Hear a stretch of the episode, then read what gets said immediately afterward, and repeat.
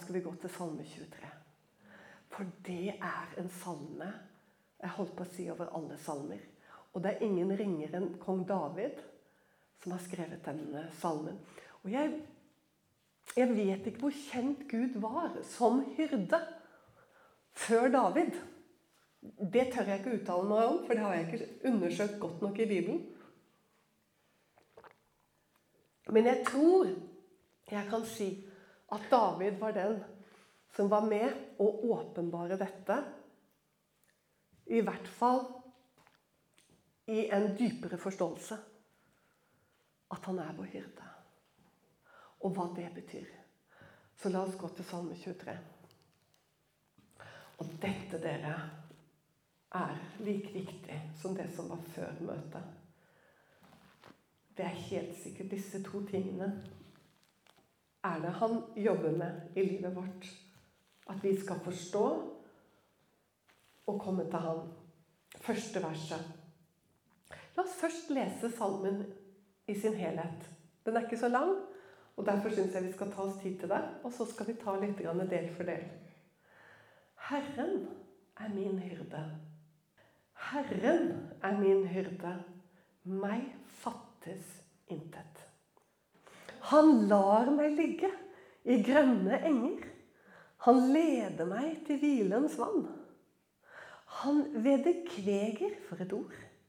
Fantastisk. Det er et ord som eh, er tatt fra det greske. Og det er jo bedre enn det som står i andre norske oversettelser. For det greske betyr så mange ting. Det betyr både å føre tilbake. Tilbake til utgangspunktet. Det betyr å forfriske. Det betyr masse sånne nydelige ting som eh, kanskje vederkveger. Fordi vi forstår ikke vederkveger helt. Så da tenker jeg at da kan vederkveger få lov til å romme alt det der som vi ikke helt skjønner. Og det mener jeg at noen ganger så sier at vi, vi må endre språket hele tiden i Bibelen fordi at vi forstår det ikke fordi det har gått ut av norsken. Det er bare tøys. Saktmodig, f.eks. Du kan ikke oversette det med milde eller snille eller hva, hva noen andre har gjort. Saktmodig er noe helt bestemt. Og det er helt fantastisk. Og så kan heller de unge sitte og si 'hva betyr det for noe?' Og så går de og sjekker og slår opp. Og så Oi! Så flott! Det er jo mye bedre. Ok. Jeg får la kjepphestene mine ligge litt nå. Så vi kommer videre i denne salmen. Han vederkveger min sjel, og han fører meg på rettferdighetsstier for sitt navns skyld. Om jeg enn skulle vandre i dødsskyggenes dal, frykter jeg ikke for vondt. For du er med meg. Din kjepp og din stav, de trøster meg. Og du dekker bord for meg, like for mine fienders øyne. Du salver mitt hode med olje, mitt beger flyter over. Bare godt og miskunnhet skal etterjage meg alle mitt livs dager, og jeg skal bo i Herrens hus. Og Her står det gjennom lange tider, og det er ikke så bra, for det står egentlig mye sterkere enn det. Jeg skal bo i Herrens hus i evighet. Det er faktisk nærmere et sånt ord enn i lange tider. Fantastisk, altså. For en salme. Apropos å ha sitt navn innskrevet i himmelen. hva? Dette som kalles for mange, og for mange også, virkelig liksom hvilens salme. Liksom av alle salmer i Bibelen. Og det er jo så fantastisk alle sammen på hver sin måte. Men dette er sånn, tror jeg, som vi tenker på som åh, den store hvilesalmen. Mange har lært seg den utenat. For det er sånn en hvile. Men vet du hva? Det er så mye aktivitet i den salmen. Bare i den lille salmen der så mener jeg å ha talt at det er 15 verb. 15 verb på seks vers! Det er helt vilt. Hvordan kan en salme være så full av hvile? Når det er 15 verb, og for deg som har glemt hva et verb er det, Jeg kan jo ikke ta noe for gitt her. Altså Verb det er jo det som vi bruker for å uttrykke handling på en eller annen måte. ikke sant? Man gjør ditt eller sånn. Altså Det er da aktivitet. Det, ja, Nå har jeg lærer her òg, så nå blir jeg kanskje litt vimsete med verb. Men eh, jeg har ikke definisjonen. Hvordan er definisjonen på et verb? Det er et gjøreord. Ja, så jeg var helt riktig. Det er gjøreord. Hvordan kan en salme som er så full av hvile, ha 15 gjøreord på seks vers? Men det er fordi at det er ikke du som gjør det. Det er Gud. Han som driver og gjør en hel masse. Og det er det vi syns er så skjønt. Så 12 av 15 gjøreord er det Gud som står for. Vi står for, vi står for å vandre, og vi står for å ikke frykte. Og vi står for at vårt beger flyter over. Og det er det vi står for i Salme 23. Å vandre og ikke frykte, og vårt beger flyter over. Og begge deler er fullstendig avhengig av Han som er vår hyrde. Og det er så vidunderlig. 13 andre gjøreord er det Gud som gjør. Han som er hyrde. Og nå skal du få en liten smakebit på noe ganske fint. Vet du hva hyrde er på hebraisk? Det kunne hende at noen satt her og visste det. Hæ? Hva? Roi. Ja, roi. Hyrde. Og er det et ord for deg som liker å lese i Bibelen, som du kan snappe opp? Det er ganske fint, for det betyr 'som ser meg'. Hyrde. Ordet for hyrde på hebraisk er 'som ser meg'. Husker du denne brønnen som Hagar Når hun rømte fra Sara For hun var så fortvila, for Sara var så slem med henne. Så rømte hun til et sted hvor det var en kilde. Ingen brønn ennå, det var en kilde der. Så får hun et møte med Herrens engel. Og så sier hun ikke sant, at den Gud Hun kaller den Gud hun treffer der, kaller hun for 'Han som ser meg'. Jeg har snakket med Han som ser meg. Og derfor så kalte hun denne kilden for Lachai Rui. Lachai Rui. Lachai. Det er jo da eh, altså brønnen for Lachai, den levende. Rui, som ser meg. Altså den levende som ser meg. Å, fantastisk! Herren er min hyrde. Eller Herren som ser meg. Herren som ser meg. Tenk at du kan få lov til å vite. Og Isak, jeg er så glad i Isak i Bibelen. Han står det, han er så, så hemmelighetsfull, Isak. Jakob blir vi ganske bra kjent med. Esau blir vi ganske bra kjent med. Abraham blir vi ganske bra kjent med. Men Isak han er så hemmelighetsfull. Men det du skjønner, er at Isak han var en bønnens mann. Jeg har mange ganger egentlig tenkt at mannen min han er en sånn Isak. Og du vet at Isak han levde ved Lachai Rui. Og det som var så fint, Hvordan kan jeg si at han levde der? Jo, fordi det står at han, han, han dro ned dit. Han, han, hadde det som en vane å dra til denne brønnen ved aftenstid. Og der gjorde han hva da? Jo, han hadde, han hadde en stille stund med Herren. Ved Lachai Rui. Ved brønnen hos den levende som så også Isak og Isaks nød. Og en gang han kom fra den brønnen, så kom hans kommende kone Rebekka på kamelene. For da hadde Abrahams tjenere vært for å hente Rebekka, for å hente en kone. Fordi at Gud hadde lagt det på Abrahams hjerte at Abraham, for nå holdt Abraham på å dø. Han var gammel, døende mann. Du må se til Isak. Isak er 40 år. Isak har ingen kone. Og så sender Abraham denne tjeneren. Isak vet vel kanskje ingenting. Sender han tjeneren sin av gårde. Så får han, Dere må lese den fantastiske historien. Og så står det i det Rebekka setter seg på kamelene for å dra med Abrahams tjener. For hun vil reise med han for å gifte seg med denne mannen. Sant? Som han kommer eh, på Hva skal du si? Han er i tjeneste for denne mannen, og hun vil til han. Og Rebekka vil, rei, vil reise med ham. Så står det at Rebekka med sine piker setter seg på kamelene. Og neste verset så står det Og Isak kom tilbake fra en stille stund ved Lachai Rui, altså hos han som ser ham. Og så kommer han opp, og da ser han kamelene kommer, og denne fantastiske kvinnen. For Rebekka var vakker. Det vet vi, for det står det om henne. Så ser han denne kvinnen, vet du. Og da skjønner han nok lunta. Og, og hun slører seg til. Og han blir trøstet etter sin mor, står det. Han tok Rebekka inn til seg og ble trøstet etter sin mors død. Han var nok veldig, veldig knyttet til sin mor. Han som ser deg, hører du. Rui, som ser deg. Som ser meg. Det er jo det det betyr. Som ser meg. Å, vi har bare kommet til første vers. Å, Herren er min hyrde. Da skjønner vi jo hvorfor han kan si til andre Jeg mangler jo ingenting. Ikke bare at du, jeg ikke fatter noen ting, men jeg mangler jo ingenting. Hvordan kan jeg det hvis Gud ser meg? Hvis Gud ser deg? Hvordan kan du mangle noe?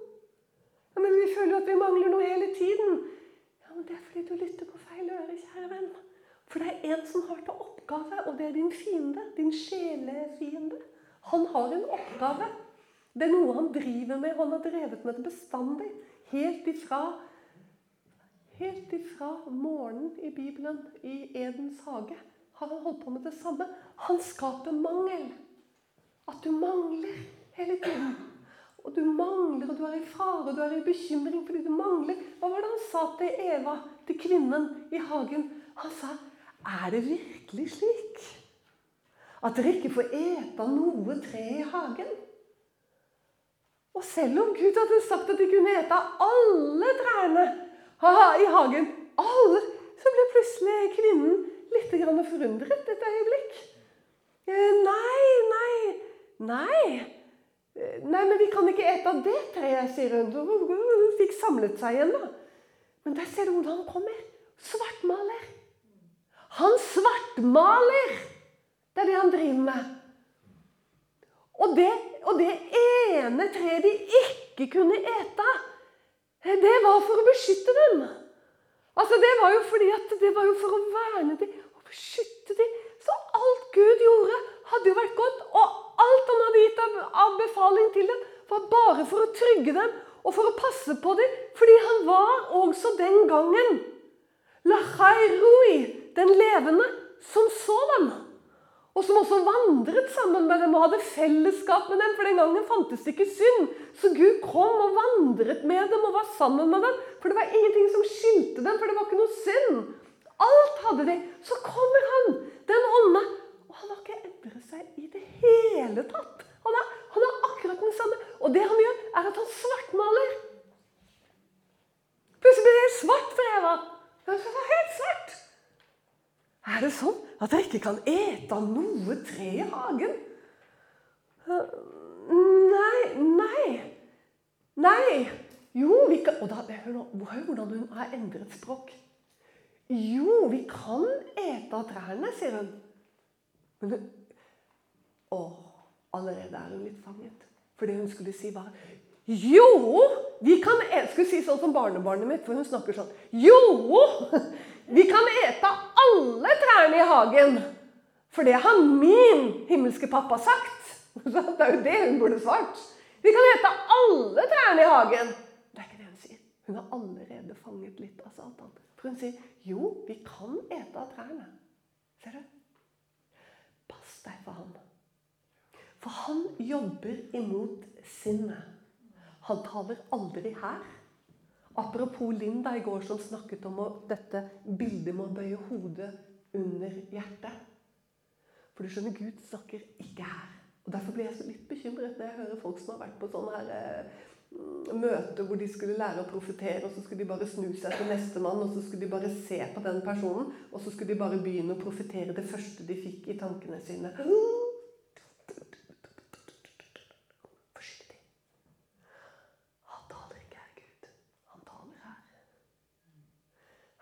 Taler våre egne tankesurr og sjeliske ting og forskjellig.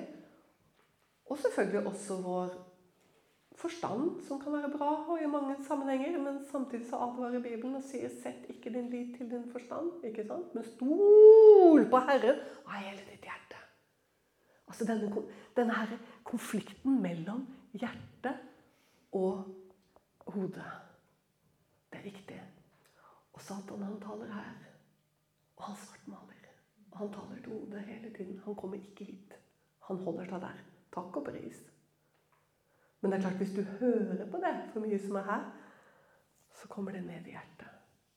Og så sier Jesus, så begynner mennesket å tale det som hjertet er fullt av. Så begynner de å bekjenne det de har hørt oppi her av surr. For det har allerede kommet ned hit. Og da kommer problemene. Dette er bare så utrolig viktig å forstå. Han svartmaler. Han er utrolig god på det. Først så kan det virke litt uskyldig. Det skaper bare litt bekymring. Men de bekymringene kan fort vokse. For Herren er din hyrde, og du mangler ingenting. Og sånn må du svare han. Nei, jeg mangler ingenting. Og noen ganger må du ta litt i. Det skjer at jeg måtte gå ut av sengen på natta og stå han imot, bokstavelig talt.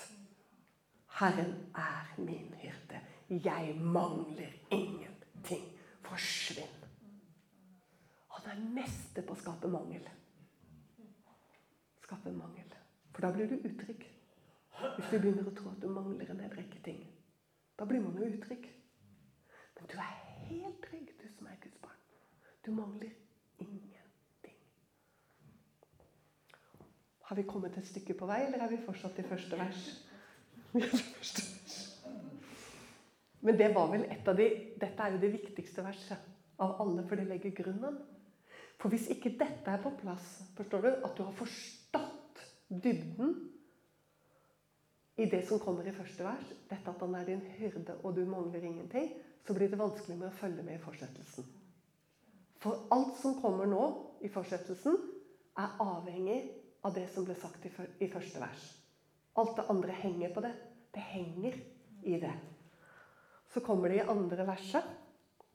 Så står det Han lar meg ligge i grønne enger. Han leder meg til hvilens vann. Og lenge så hadde jeg litt sånn greie på de der grønne engene at jeg så for meg de norske grønne engene. Sånn som her på Tonstad, liksom. Men du vet at Bibelen er skrevet i Israel. Det er skrevet i israelsk landskap. Og det er veldig sjelden du ser sånne grønne gressbakker som vi har her. Men det skjer på våren at det kan bli temmelig grønt.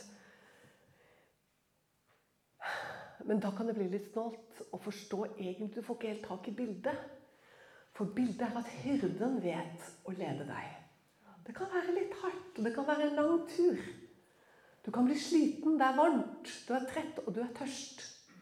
Men det du kan være sikker på, er at han leder deg til sted hvor du skal finne mat. For han er opptatt av å gi deg mat, og like, han er like opptatt av at du skal få mat.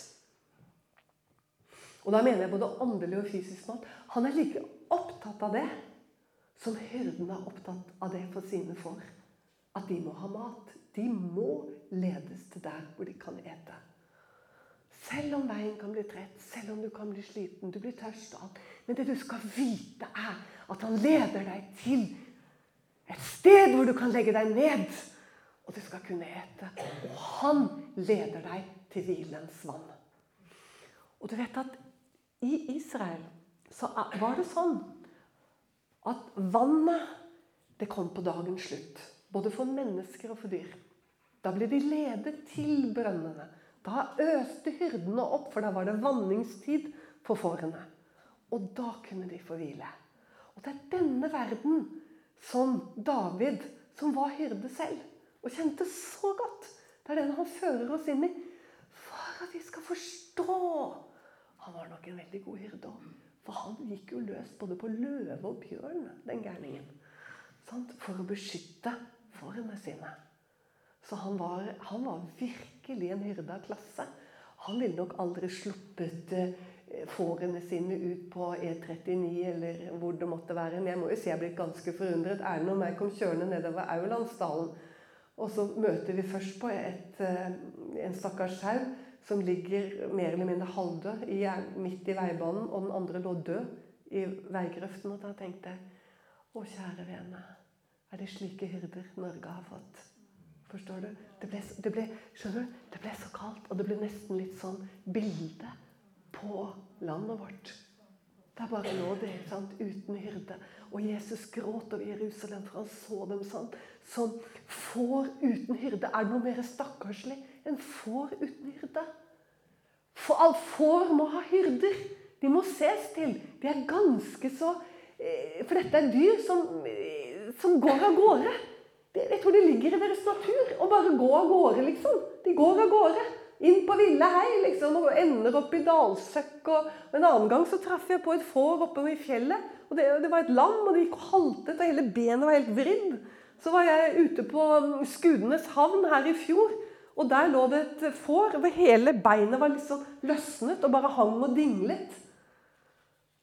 Og så ramla det, og så prøvde det å reise seg opp. Og da gikk jeg rundt i alle husene før jeg skulle tale for å prøve å få tak i den, hvem som var hyrde for disse fårene. Så jeg sa, Det er noe som skjer, vet du, som plutselig blir synlig på dyrene. Ja, Nok om det. Men David var ingen sånn hyrde. Han tok til og med kampen opp mot bjørn og, og løve og slåss med dem. Og så står det her altså, Han vederkveger min sjel. Det var det vi ja, egentlig har vært innom å føle oss på rettferdig stige for sitt. Altså, men så kommer dette fantastiske. Om jeg enn skulle vandre i dødsskyggens dal Og det er sånn det er jo faktisk sånne situasjoner som sauer roter seg opp i. Altså, De kjører seg fullstendig fast på en eller annen fjellhylle eller et eller annet. Men så står det om jeg enn skulle vandre i dødsskyggens dal, frykter jeg ikke for vondt, for du er med meg. Du er med meg. Og så kommer det din kjepp og din stav trøster meg. Hæ, for en Gud. Hvor viktig det ble med den kjeppen og staven. Det var noen som sa en gang at ja, kjeppen det brukte han til å disiplinere dem. Og, og, og, og, staven det brukte han liksom til å håper å si telle dem eller et eller annet. Jeg husker ikke helt, men jeg husker særlig dem at kjeppen å disiplinere dem liksom, når de trengte et rapp. Så det der det er jo helt feil. Altså, Det er ikke sant. Det var ikke det hyrden brukte kjeppen sin til. Hva brukte han kjeppen sin til? På å beskytte dem mot løv og løver og bjørn og ulv og hva det måtte være. Kjeppen var det Dette er ikke noe Eva sier. Dette vet vi. Kjeppen til hyrden var for å beskytte dem imot fienden. Det var det de brukte mot, hvis det kom bjørn. Nå snakker vi norsk fauna. Hvis det kom bjørn eller det kom ulv, så brukte hyrden kjeppen sin for å forsvare dem. Og staven den brukte han til å holde de samlet. Og så var det en krok på staven. Fantastisk. Så hvis de hadde falt ned på en liten hylle, så kunne han bruke kroken rundt hodet på dem. Smakk, dra de opp igjen. Så både staven og kjeppen var for å beskytte dem mot fare.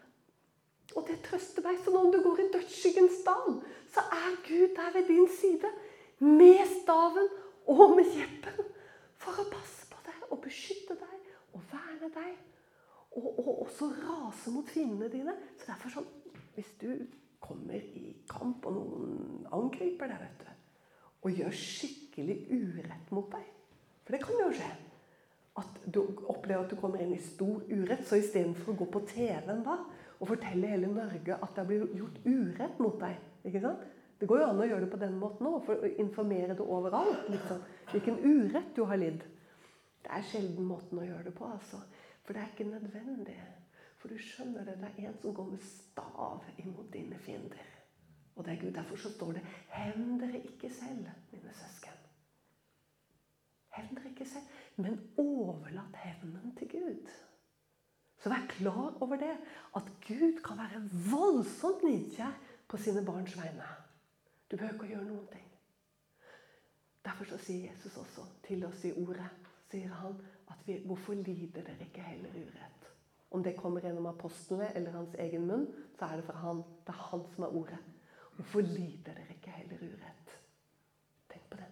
For det kan vi. Ja, Men skal vi ikke stå opp for retten, da? Jo, jeg tror noen ganger at kristne har vært altfor sløve til å stå opp for retten. For ordet, for retten, for det som er riktig. Men sin egen rett og vår rett, der skal du være mer forsiktig. Men det er én som ser deg, som er hyrden din. Rui. Han ser deg. Han passer på retten din, skjønner du. Så du behøver ikke å gjøre det selv. Men i stedet skal du lære deg å tåle urett, for du vet hvem som ser deg. Og passer på deg. Med stav og med kjepp passer han på deg. Ha-ha. Det går an å være får blant ulver når man har en sånn eh, hyrde. Peter sier at han er vår sjels hyrde og tilsynsmann. Ah, hva så nydelig. Hører du det? Du kan jo ikke bruke så lang tid mellom stundene i lønnkammeret når du vet at han er din sjels hyrde og tilsynsmann. Det er bra godt å vite at du kan gå inn der og lukke døren og være sammen med han som har tilsyn med sjelen din. Ikke bare med kroppen din og livet ditt og sammenhengene dine, men med sjelen din. For det er jo det viktigste for han, at den blir bevart. Han er tilsynsmann for sjelen. Og han er hyrde. Han som er tilsynsmann. Hjelpes så godt det er. Og så, dere, har vi vel kommet omtrent til slutten. At det var det du dekker bo for meg. Og det tror jeg nesten jeg var innom, bare med et vitnesbyrd. Hvordan han, hvordan han bare han gjør, altså, Når du tror du er i stor fare, om du er det bokstavelig, eller om du er i fare på den måten jeg var, at noen hadde ført deg inn i en felle, da føler du at du sitter sånn, sammen med fienden. Men da dekker han bord for deg. Da dekker han bord for deg. Paulus sa noe spennende i Filippe-brevet. Han sa at vi alltid skulle glede oss. Atter vil jeg si gled dere. Hvorfor det, da? Og så kommer det fantastiske. Herren er nær. Vi glemmer hvor nær han er. Så Derfor så kan vi vegre oss og, og dumme oss ut og forskjellige ting. Han er så nær. Bare snakk med han. Han er så nær. Derfor sier også Paulus la deres saktmodighet bli synlig for alle mennesker. Herren er nær. Sånn står det.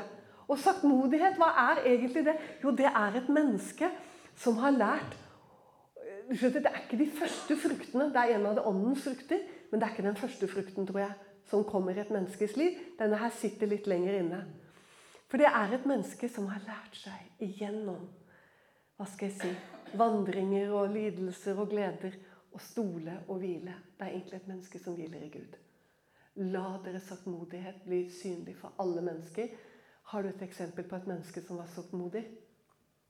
Moses står det i Bibelen. Han var verdens mest saktmodige menneske. Og han har vi fått et sånn falskt bilde at han var sånn lovens mann. liksom. Torden. Det er nesten så vi ser Thor vet du, sånn med hammeren når vi tenker på Moses. Bare at han har, han har, han har loven på steinbud, liksom. Det kunne ikke vært mer feil. Det står i Skriften at Moses var verdens mest saktmodige menneske. Han hadde lært å hvile i Gud, han. Men gjennom en del heftige prøvelser så hadde han lært seg å hvile helt i Gud. Han var verdens mest saktmodige menneske. La deres saktmodighet bli synlig. Altså, Det er et vitnesbyrd i å være saktmodig. Så Paulus sier La dere saktmodighet. Når når er det den må gjelde? Jo, når det knuter seg til, eller det blir farlig, eller et eller annet skjer. Så er det et utrolig vitnesbyrd der hvor andre mennesker stresser og blir livredde. Og se at Guri, er det mulig? Sant? Ja, hun er visst kristen. eller sånn. Det er ikke noe som er påtatt. Det er bare noe du har fått av Gud. Du hviler, du er trygg. I situasjoner hvor det ikke er naturlig å være der. Og dette er, ligger i dette her at han dekker bord for oss like for fiendens øyne. At du sitter der og spiser, liksom. Mens det er full krig rundt deg. Det er et ganske herlig bilde. Du sitter og spiser. Man greier jo ikke å spise når man er i uro. Men eh, Gud sier at eh, det er sånn han gjør. Han har så kontroll han, i sånne situasjoner hvor vi mennesker blir redde, at han dekker bord og inviterer i stedet til måltid midt i fiendens leir så dekker han til måltid. Du, han har altså så fullstendig kontroll. bare godt og miskunnhet skal etterjage meg alle mitt livs dager, og jeg skal bo i Herrens hus til evig tid. La oss ta det der midt imellom. Åh, fantastisk. Og så er det så sant. Fordi vi møter jo ikke bare godt. Vi gjør jo ikke det. Det kommer ting imot oss som er ganske tøft. Og ingen med forstanden i behold kan si at dette var godt. Og hadde du sagt det, David, så hadde jeg ikke vært enig med deg. At alt som møter meg, skal være godt og miskunnhet. Men det er ikke det han sier. Han sier faktisk på, eh, på hebraisk så betyr det at det skal løpe etter deg. Han kommer springende etter deg med det som er godt og med miskunnhet. Så når du møter tøffe ting, og det kommer mot deg ting, så vær klar over at han som heter Rui, Rui han som ser deg, han løper etter deg med godhet og med miskunnhet. Det skal etterjage deg gjennom hele livet ditt. Så når du er kjempelei deg og sitter hjemme og tenker at 'nå orker jeg ikke mer', det er for tøft, Gud, så skal du vite at det er en som allerede løper etter deg. For å gi deg av sin godhet og gi deg av sin miskunnhet. Han løper etter deg, sånn står det på gresk. Han springer etter deg med godhet og med miskunnhet. Er det ikke sant? Det er helt sant. David Jeg vet ikke engang om du har hatt halvparten av David sine problemer i livet ditt. Jeg vet ikke om du har hatt halvparten av dem engang.